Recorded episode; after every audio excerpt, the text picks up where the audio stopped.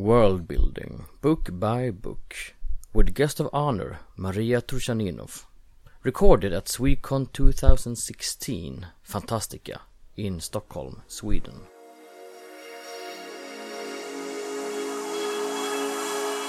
Swecon-poddar. En poddradio från svenska science fiction och fantasykongresser.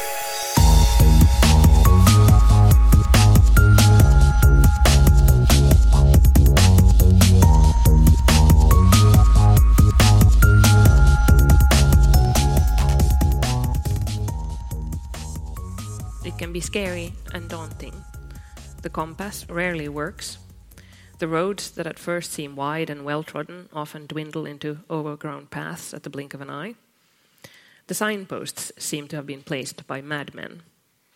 But I have learned to trust that even if I rarely, or as a matter of fact, never, end up where I originally thought I would, I will eventually end up somewhere fresh and exciting as long as I trust the process. So I'm going to tell you uh, now a little bit about this, this process. Um, I'm going to do a reading and then hopefully we'll have some time for questions. Depends on how slowly or fast I speak. So if we go to the, back to the beginning uh, and how it all started. My first published work is a fantasy novel for children, and it's not set in this fantasy world I'll be talking about. But after I had written that novel, I briefly worked in a museum as a guard because I felt like I needed a job that didn't require any brain power and that I could leave. I could leave the work at work when I went home. The museum had a very expensive international exhibit, and the insurance company required them to temporarily employ more guards. So, day in and day out, my job was to make sure that nobody touched the paintings. While on duty, we guards were not allowed to talk to each other or read.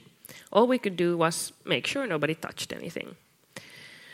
After just a week of looking at the same paintings a thousand times, I was going insane with boredom, and boredom is great for the creative mind.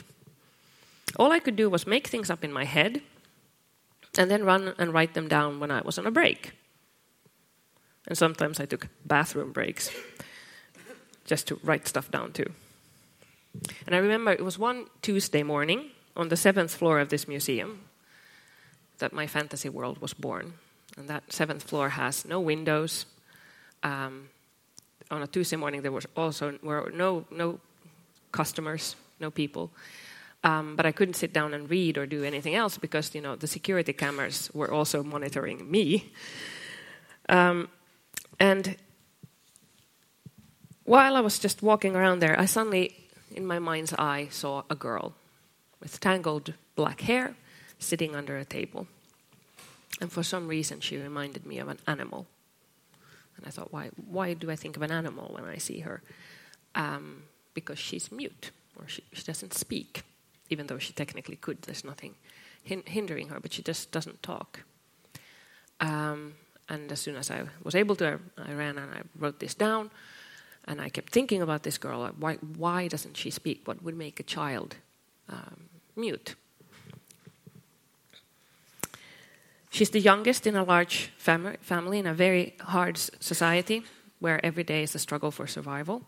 And when she's born, she's just another mouth to feed. No one wants her, no one cares for her really, and no one talks to her. There's never any reason for her to start, start talking. And I soon saw that this table was um, set, located in a, in a log cabin. Okay, so logs, there must be trees. Um, so I set the, the, the cabin in the, on the outskirts of a little village in the middle of a great forest. And I could stay there for some time while I was writing. I didn't need to know very much more than, than that. But I gave this environment uh, a pretty distinct Nordic flavor.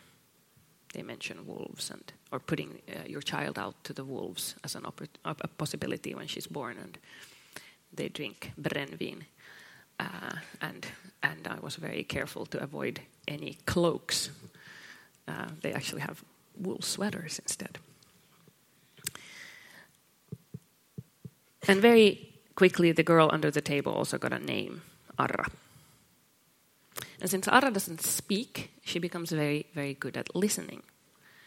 As soon as she's able to, she crawls out of the cabin because nobody really minds her uh, and into the forest.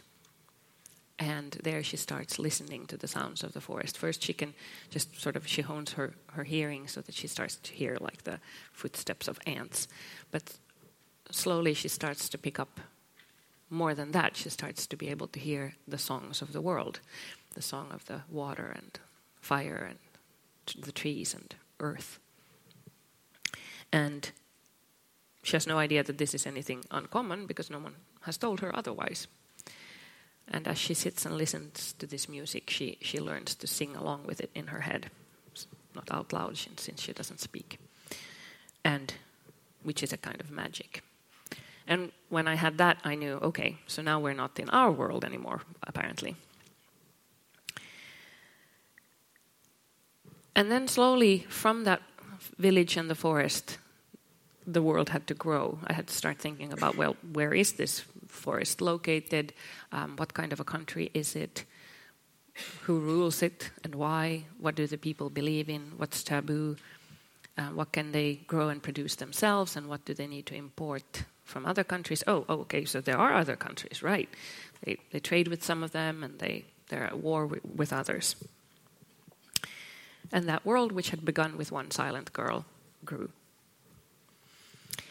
But I finished Arra not really having any further thoughts on setting any more stories in this world. And after that, I wrote an urban fantasy called Underfors. Uh, but sometime during my work with that novel, I saw an image in my mind again, much like I'd seen the, the one of Arra under the table. And this image was of a man cutting a girl's hair. And I had no idea who they were, um, what their relationship to each other was, or what kind of culture they were from, or why he was doing it. But I knew it meant something. She was not at the hairdresser's. This was a symbolic gesture. And this image wouldn't leave me alone. I struggled for quite some time trying to figure out who they were, but eventually discovered that they were father and daughter. And later on, I, I discovered that they were of the nomadic people, Akade, briefly mentioned in the novel Arra, like in two places, very, very short mentions. And this time I did some of the world building before I began writing in earnest because I knew that the world and the culture would very much affect the people and the story.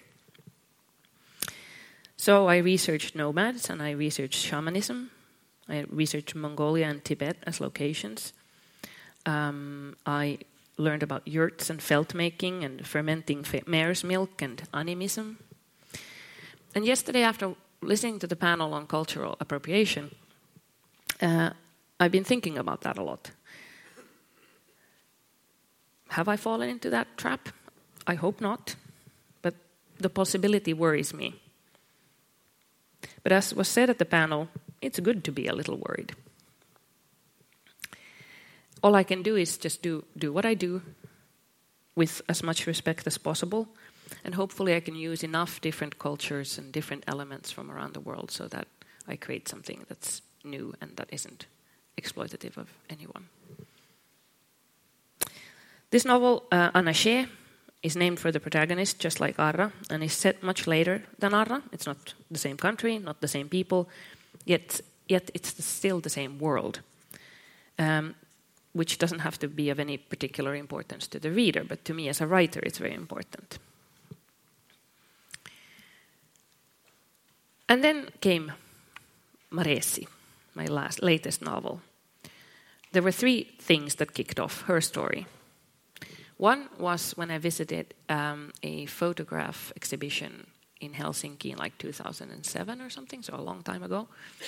Um, there were photographs from the um, Mount Athos in the Greek archipelago. And Athos is a um, monastic community that's been around for a thousand years.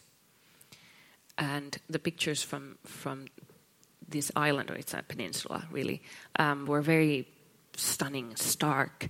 They, have this evocative feel of something that's been very big and grand, but has fallen into disrepair and disuse because of the fact that they don't have as much money anymore, and and there aren't that many monks there anymore either.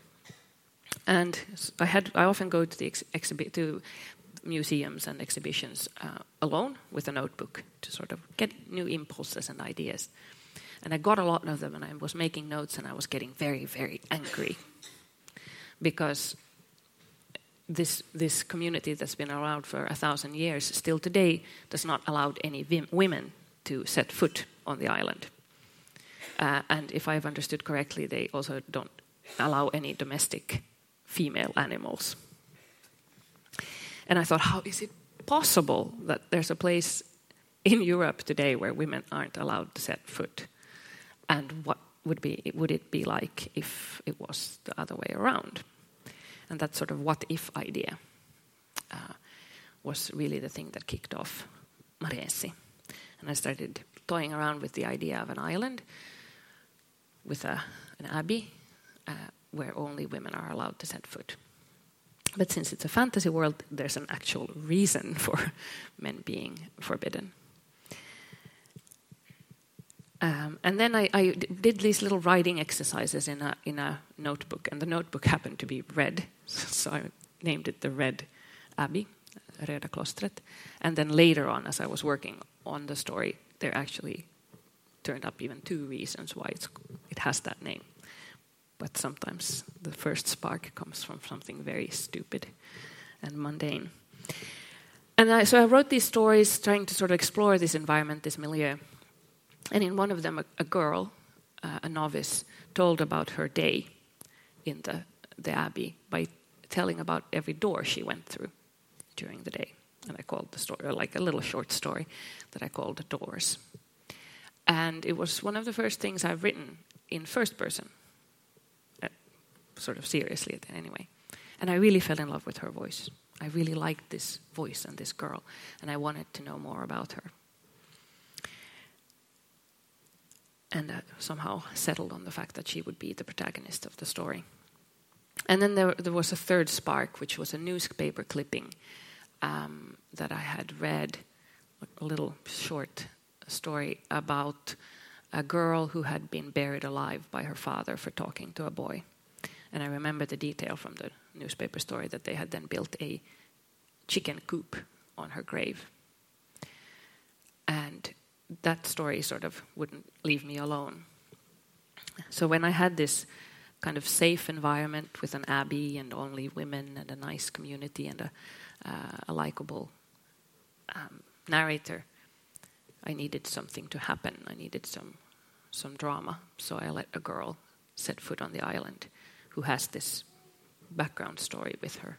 She's seen her sister be buried alive by her father and uncle. And I don't remember anymore, by the way, what, what country this had happened in, and I think that's just as well, because the whole point is it's not about our world, it's about the phenomenon in general. And Maresi said even later than Arra and Anache, there are more mentions of events and people in those. Um,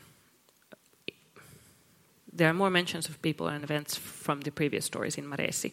So the world is getting more and more closely knit. Uh, and I did some research for Maresi too. Uh, I researched things like Greek islands and the color purple in Byzantium, and what people believed in before the big monotheistic religions came along and I found an ancient goddess worship. And it made sense to me that if it's only women, they would be worshipping some kind of goddess. Uh, and learned a lot about uh, its symbols and beliefs and taboos. And then again, like I do, like a magpie, I steal all the best bits and hopefully make up something of my own. And Maresi is the book which has kind of exploded all over the place now. It's, as of now, been sold to 17 countries and it has pulled the two following books with it. I think it's 10 countries that have now purchased the two next books as well, Sight Unseen. So not, not Arra and Anache, but the, the, the upcoming ones. Maresi has been described as Finnish feminist fantasy, a label I both like and loathe. I like it because it is Finnish and feminist and fantasy. But I dislike it because it has never been my intent to write a feminist novel. I can't get away from the Finnish part because I am Finnish. Um, I don't have a political agenda when I write. my desire is to create, first and foremost, something which hopefully can be called art. If I were to write a text with the intent of it being feminist or any, any other way political, I'd write an essay or a pamphlet or a letter to the editor. But not a novel. And the whole point of literature is that it can be so much more. Italo Calvino has said, Literature is like an ear that can hear things beyond the understanding of the language of politics. It is like an eye that can see beyond the color spectrum perceived by politics. I write in order to explore things I did not yet know, to uncover a truth as yet hidden. As I began writing Maresi, I thought it would be a book with honor killings as the main theme. But after I had written the first draft and read through it, I saw that this is a story about death and how to deal with life when we know it will end. And it's a story about knowledge and whether knowledge has any value if it's just closely guarded and never used. And these are the themes in the book to me, but to readers it might be completely different things. And many readers have told me that they found themes that were very important to them that were completely different from sort of my conscious themes. And that's the nature of fantasy. To paraphrase C.S. Lewis, fantasy is a different dish to each reader. There is no denying, that, though, that Maresi can be read as a feminist piece of work, because I am feminist. And the fact that Maresi is shelved in many library systems under the label strong girls, while there is no such category for boys, because strong boys is the norm. And the fact that I get the question, can boys, can boys read this? is proof enough that stories like this are needed. And yes, boys and men can and have read Maresi. Most of them seem to have enjoyed the book with their minds and hearts, not their reproductive organs. While I was writing Maresi uh, and the first sisters, founders of the abbey, were mentioned offhand during one of the lessons Maresi attends uh, in the abbey, I thought, well, there's something I want to write about too. And that was the first spark for, for the upcoming novel, Naondel. And thus was born the slightly odd chronology of the Red Abbey Chronicles, because it's supposed to be three books, um, which is really mostly my agent's idea, not so much mine. Um, so we start with a story, then we get the prequel, and then after that there will be a sequel, which I'm writing now. Uh, and the reason for this is that I follow the story which, at the moment, most loudly demands to be written. To me, the books in the Red Abbey Chronicles, um, as they have been dubbed, are no more or less connected than all the books set in the same world. And Arra and Anaché are just as much part of the weave. And my hope is, of course, that they too will be translated uh, into English and other languages someday.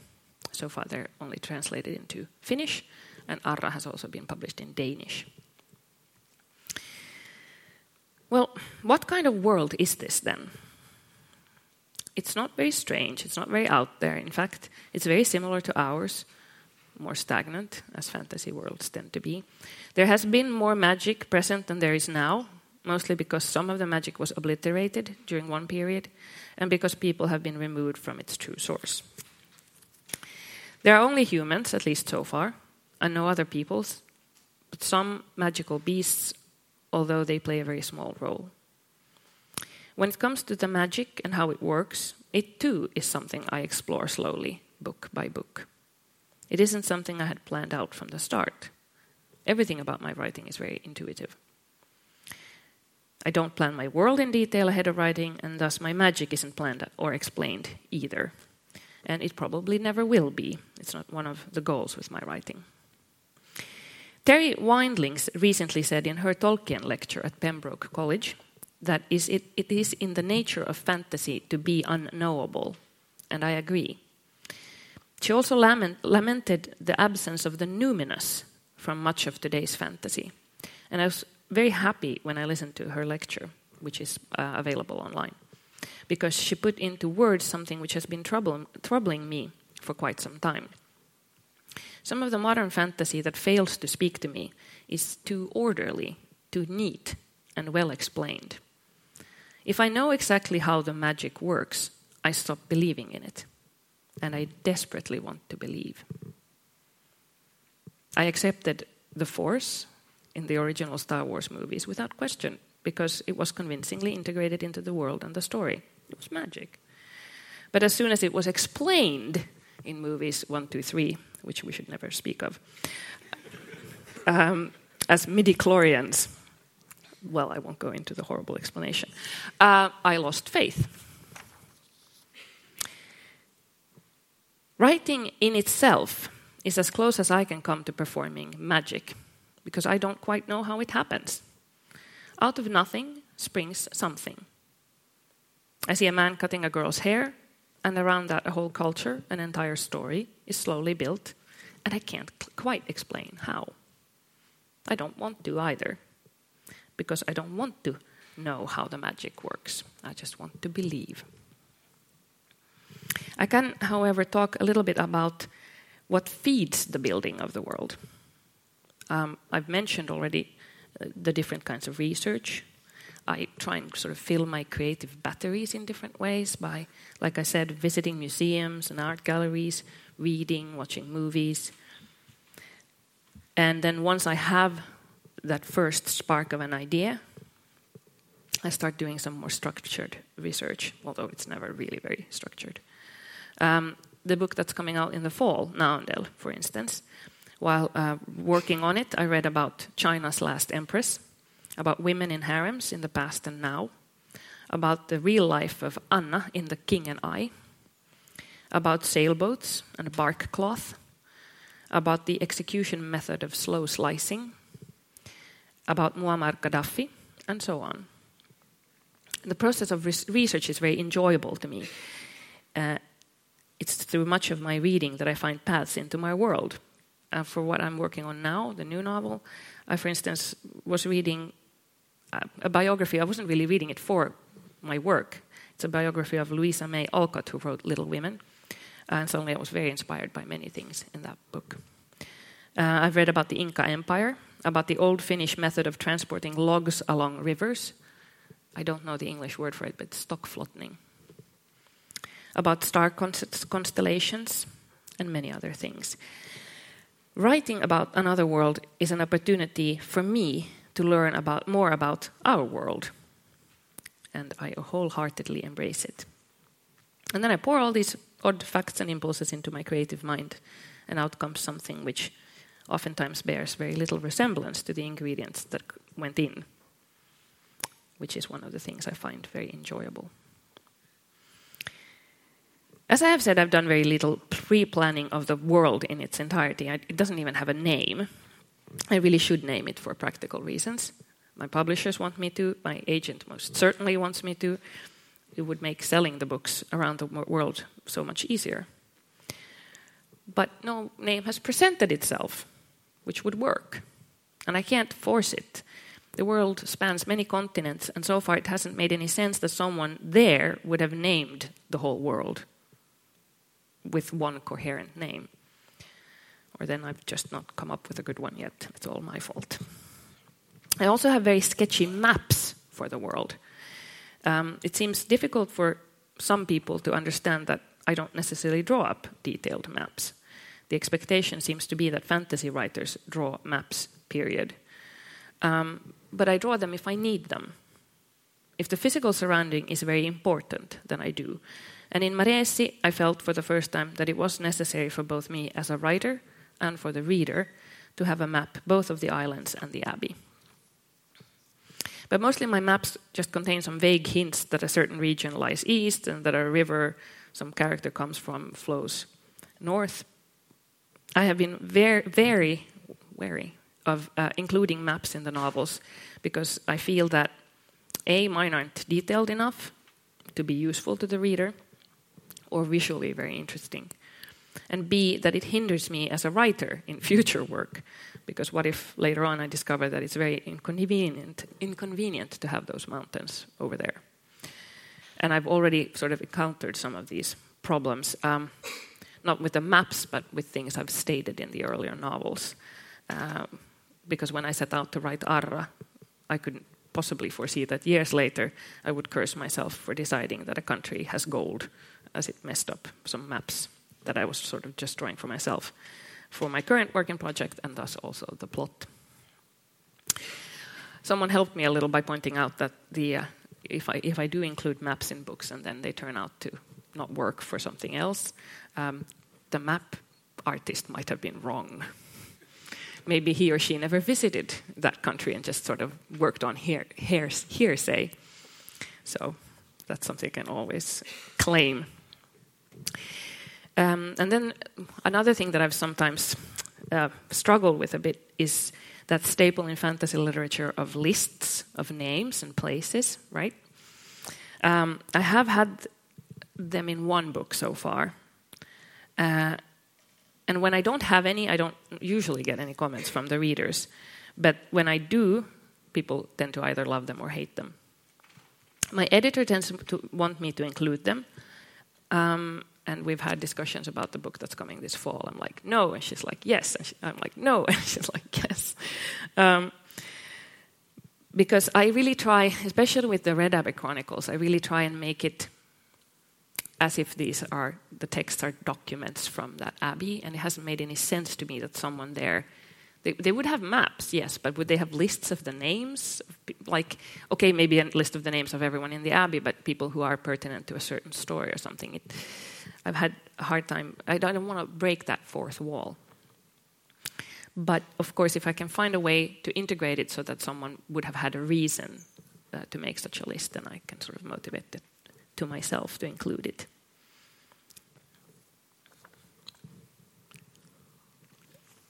I'm going to take a quick look at the time so I know what I'm doing. Um, lastly, I would like to read a bit from my upcoming novel, Naondel. Uh, it's going to come out in Swedish, which is the language I write in, in and Finnish this fall, September-ish, uh, and in English in the UK in January next year. It's a much darker book than any of my previous ones, and it contains a lot of sexual violence towards women. If Maresi was a book about a safe haven, a positive female community where the threat comes from the outside world, Naondel is a story of women who live surrounded by danger and fear and oppression. And many times during my work with this book, I've been worried worried that there's too much violence, worried that there is too much darkness. And then I read the news. Nothing I can come up with matches the horrors real women face in our world right now. Naondel is the story of the women who fled everything they knew and loved and um, they knew and loved and feared to found the Red Abbey. And they all tell their own stories.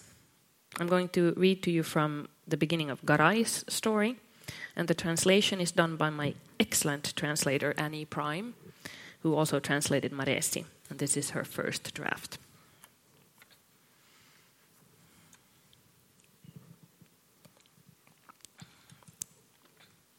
The other slaves I shared sleep space with in Harera gave me, gave me one piece of advice. If you scream and scratch him, you'll make it worse for yourself. Pretend to enjoy it, and you can become his favorite. Then you might get special benefits. It's the only thing left to hope for. I am hoping for more. But I have followed their advice. It has already served me well. Of course, I was afraid. I have been afraid ever since I was captured. I have not dared resist. Not even the men who came in the night and captured me and my sisters while we slept. They must have tracked us for a long time. They struck when our course deviated from the rest of the clan for a few days, so that we could pick healing herbs south of the Merem desert. No settler dares set foot in true desert. We would have been safe there, but we did not imagine any threat, and we were not on our guard. I curse myself still. I am the eldest. I should have been more careful. The men feared us. They thought we were powerful priestesses who could kill them with an utterance. They're the type of people who fear, fear what they don't understand. So they gagged our mouths and bound our hands. We were driven southward in haste, unchangingly southward, often under cover of night. Slave trading is illegal in the northern lands. We were sold in a village to southern slave merchants with long hair and big beards. We came to a place, Harera, I heard it called, a terrible place, stinking and foul. I was separated from my sisters. We did not, we did not cry. We had no tears left. At the slave market, I was tethered tight to a stake on a platform together with other young women my age. We all came from different lands, visible from our different skin and hair. I was the only one with white hair and grey eyes. The men around the platform spoke to each other, pointed at me. From their gestures and looks, I understood that I was valuable, their finest ware. The auction began. I was saved until last. They wanted all eyes on me. The sun was merciless in Harera. I had never experienced such heat before. My lips were cracked with dehydration. My kirtle clung to my body with sweat. A man appro- approached the platform. He was clothed in blue and white, tall and slim, but with broad shoulders and thick dark hair. His mouth was very red. He was the only one who looked me in the eye. He did so for a long time. Then he called over one of my sellers. Is this how you ca- take care of your treasures? You destroy her beauty with your damned sun. He took out the purse. Name your price, I shall pay. When the men stammered something about the auction, he scoffed impatiently. Name your price, I said, so I can get my property out of the burning heat before it's ruined. He filled his hands with silver and gold, more than I knew existed in all the world. That was my price, what I was worth. Then he gave orders. A man hastened up to the platform and served my bondage. I fell to my knees. The beautiful man stretched out, stretched out a pitcher of cold water. I didn't have the strength to raise it to my lips, so he held it to my mouth as I drank. Then he personally carried me away from the market to shade, a stable, a stall. He let me rest there and drink water, and somebody brought balm for my burned skin. The next day he came to see me. You already look much better. Now I must find out whether I made a wise investment. He untied his trousers. I immediately spread my legs. He was careful not to hurt me, and I remembered the other slave girl's advice. I had been with men before, clan men, who had done as much for my pleasure as for their own. This man did not do so. Why would he? I was not his equal. He owned me. It was soon over. Afterwards, he seemed very pleased. A woman who knows her place and who doesn't fight back, or stays quiet with a disgusted grimace on her face. And the most beautiful woman I have seen, besides. You shall be a sensation in Areco. Yes, I should say that I made a good investment. He dried himself off with the hem of my kirtle. I would like you to bathe now, but we must leave this place. I have made a number of business arrangements here, and it's wisest not to linger. Yes, master, was my only response. I, Garai of the wandering folk, called him master. We who serve no master. We obey only the earth herself and her decrees.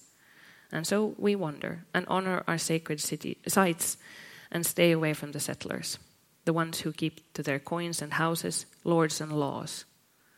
No human laws apply to us. The energy in the earth, her veins, lead us true on our treks. The ground bestows upon us the food and shelter we need.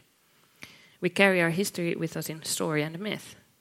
Our cunning guards, our cunning guards our spirits and bodies and guides us through the storm. But now a new me was emerging, and this new self, this new Garai, had a master who she bowed to and spread her legs for and obeyed in all ways. Would you like me to go on, or would you like to ask questions? Okay. We left Harera the same day. I was put farthest back in the caravan on a pack mule with the rest of my master's purchases. He had brought me shawls and hoods to protect against the hot sun, and I had plenty of water to drink and got a decent meal in the morning and another when we stopped for the night. I slept with my master in his tent. He never restrained me, because where could I have run in the vast desert we were journeying through? I would be dead before I left their sight. My master had his way with me every night. I continued to be compliant, gentle, and docile, things I had never been before but I knew I must push my old self down into the innermost recesses of my memory. I could never reveal the way I had once been. Because even though my master treated me well, and better and better the more I complied, I knew the truth about him. I had seen it in the eyes of the men who stole me and my sisters that night. I had seen it in the eyes of the men who sold me for silver and gold. To them I was a thing, not a person with feelings or needs of her own, just something for them to fear or profit from or use. The moment I become a burden, they will do away with me. And I want to live. That's what the old Garai wants. She wants to return to the Merem desert and hear her mother sing at sundown and hold hands with her sisters. The new Garai does not believe any of this is possible, but the old Garai refuses to surrender. Now we are in Areko, the capital city of the Master's land. We arrived yesterday night after a journey of many moons. I have bathed and been directed to a small room in my master's residence. He told me that he intends to stay here until his new palace in Ohaddin is ready. Then he will move the entire court of the sovereign prince there. But the sovereign doesn't know about this yet. Tomorrow, my master intends to present me for everybody to admire and adore. New clothes have been brought to my room, strange garments made of silk with brightly colored stitch patterns, combs to hold my hair up, bands for my arms and fingers, beautiful things to show off my value. They're so obsessed with objects here. In the clan, we had only what was absolutely necessary and what we could carry with us on our backs knives, rope, herbs, flint, food. Can a ring keep you warm at night? Can you eat a hair comb? Does a decorated jacket heal a festering wound? I have stolen paper and writing utensils from my master's purchases. Mother knows letters and the art of writing. It was one of the things she taught me as she was training me to become her successor and skillswoman of the clan. I haven't often had any I have not often had reason to practice my skills. There was never much reason to write anything down. All mother's knowledge was stored in her head, like pods in a seed store. Whatever I was curious about, she could pick out the necessary information from her memory banks and answer my questions. What need was there for writing? But she taught me the art simply because it was one of the skills she had acquired, and she wanted me to learn everything I could. Now, for the first time in my life, I have reason to write something down. It's going slowly. My hand lacks the facility that comes with practice. But it's important that I struggle on. I find myself in a foreign land. Everybody around me speaks a foreign tongue.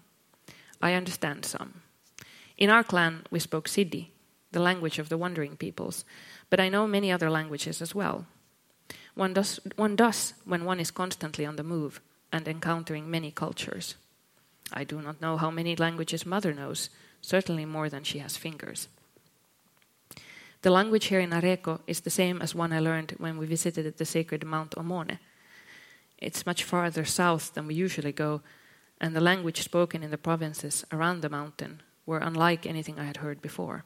Hard and angry, I thought it sounded, not at all like the many upland tongues. Here in Areco, they speak a dialect with a slightly different accent, but most words are the same. I'm relieved. It makes it easier for the new Garai, she cannot yet express much, but she's not expected to. It's enough to understand. There is comfort in having a language of my own to write in. I know that nobody can read what I have written. Through writing, I can keep my native tongue alive.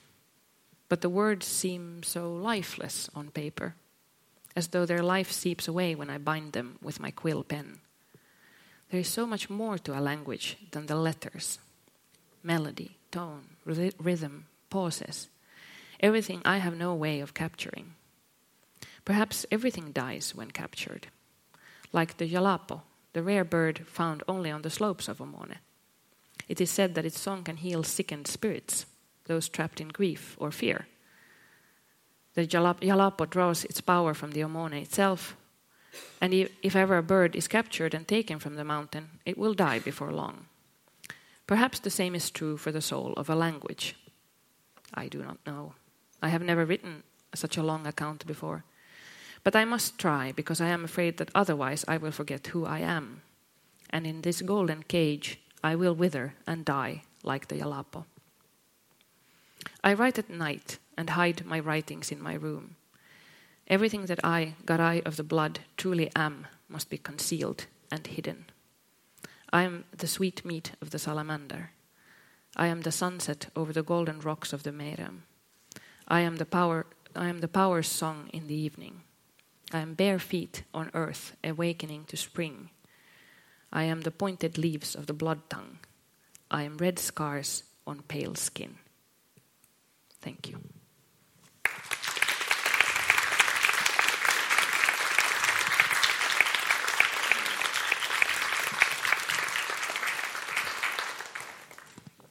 Oh, we have three minutes. so if anyone has a, a three minute question, I, I would be happy to answer it. Well, I covered everything. Thank you.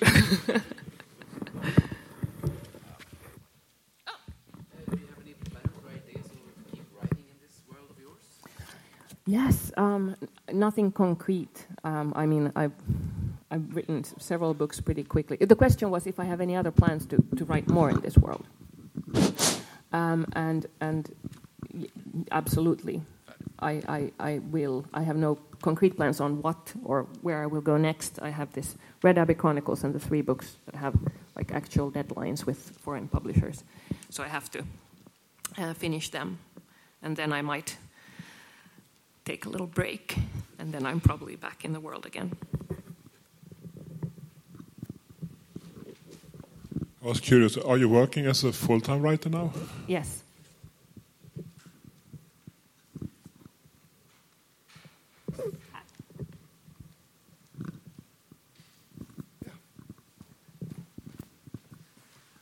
You probably had this question uh, before, but uh, how much do you know of the ending of a book when you start uh, writing it?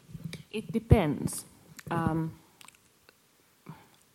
sometimes I sort of know the midway point, but I don't know how I'm going to get there. And then I start writing to, to, to get, get to that point. And when, when I get there, then I usually have some kind of idea of how it's going to end, but not how I'm going to get there. Um,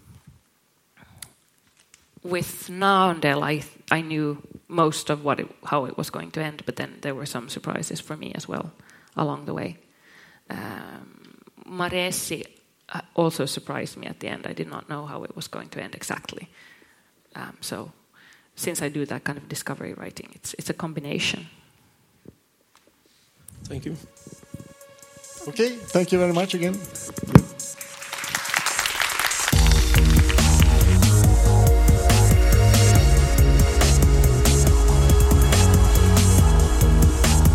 Musiken av Psychedelic Pedestrian från Free Music Archive.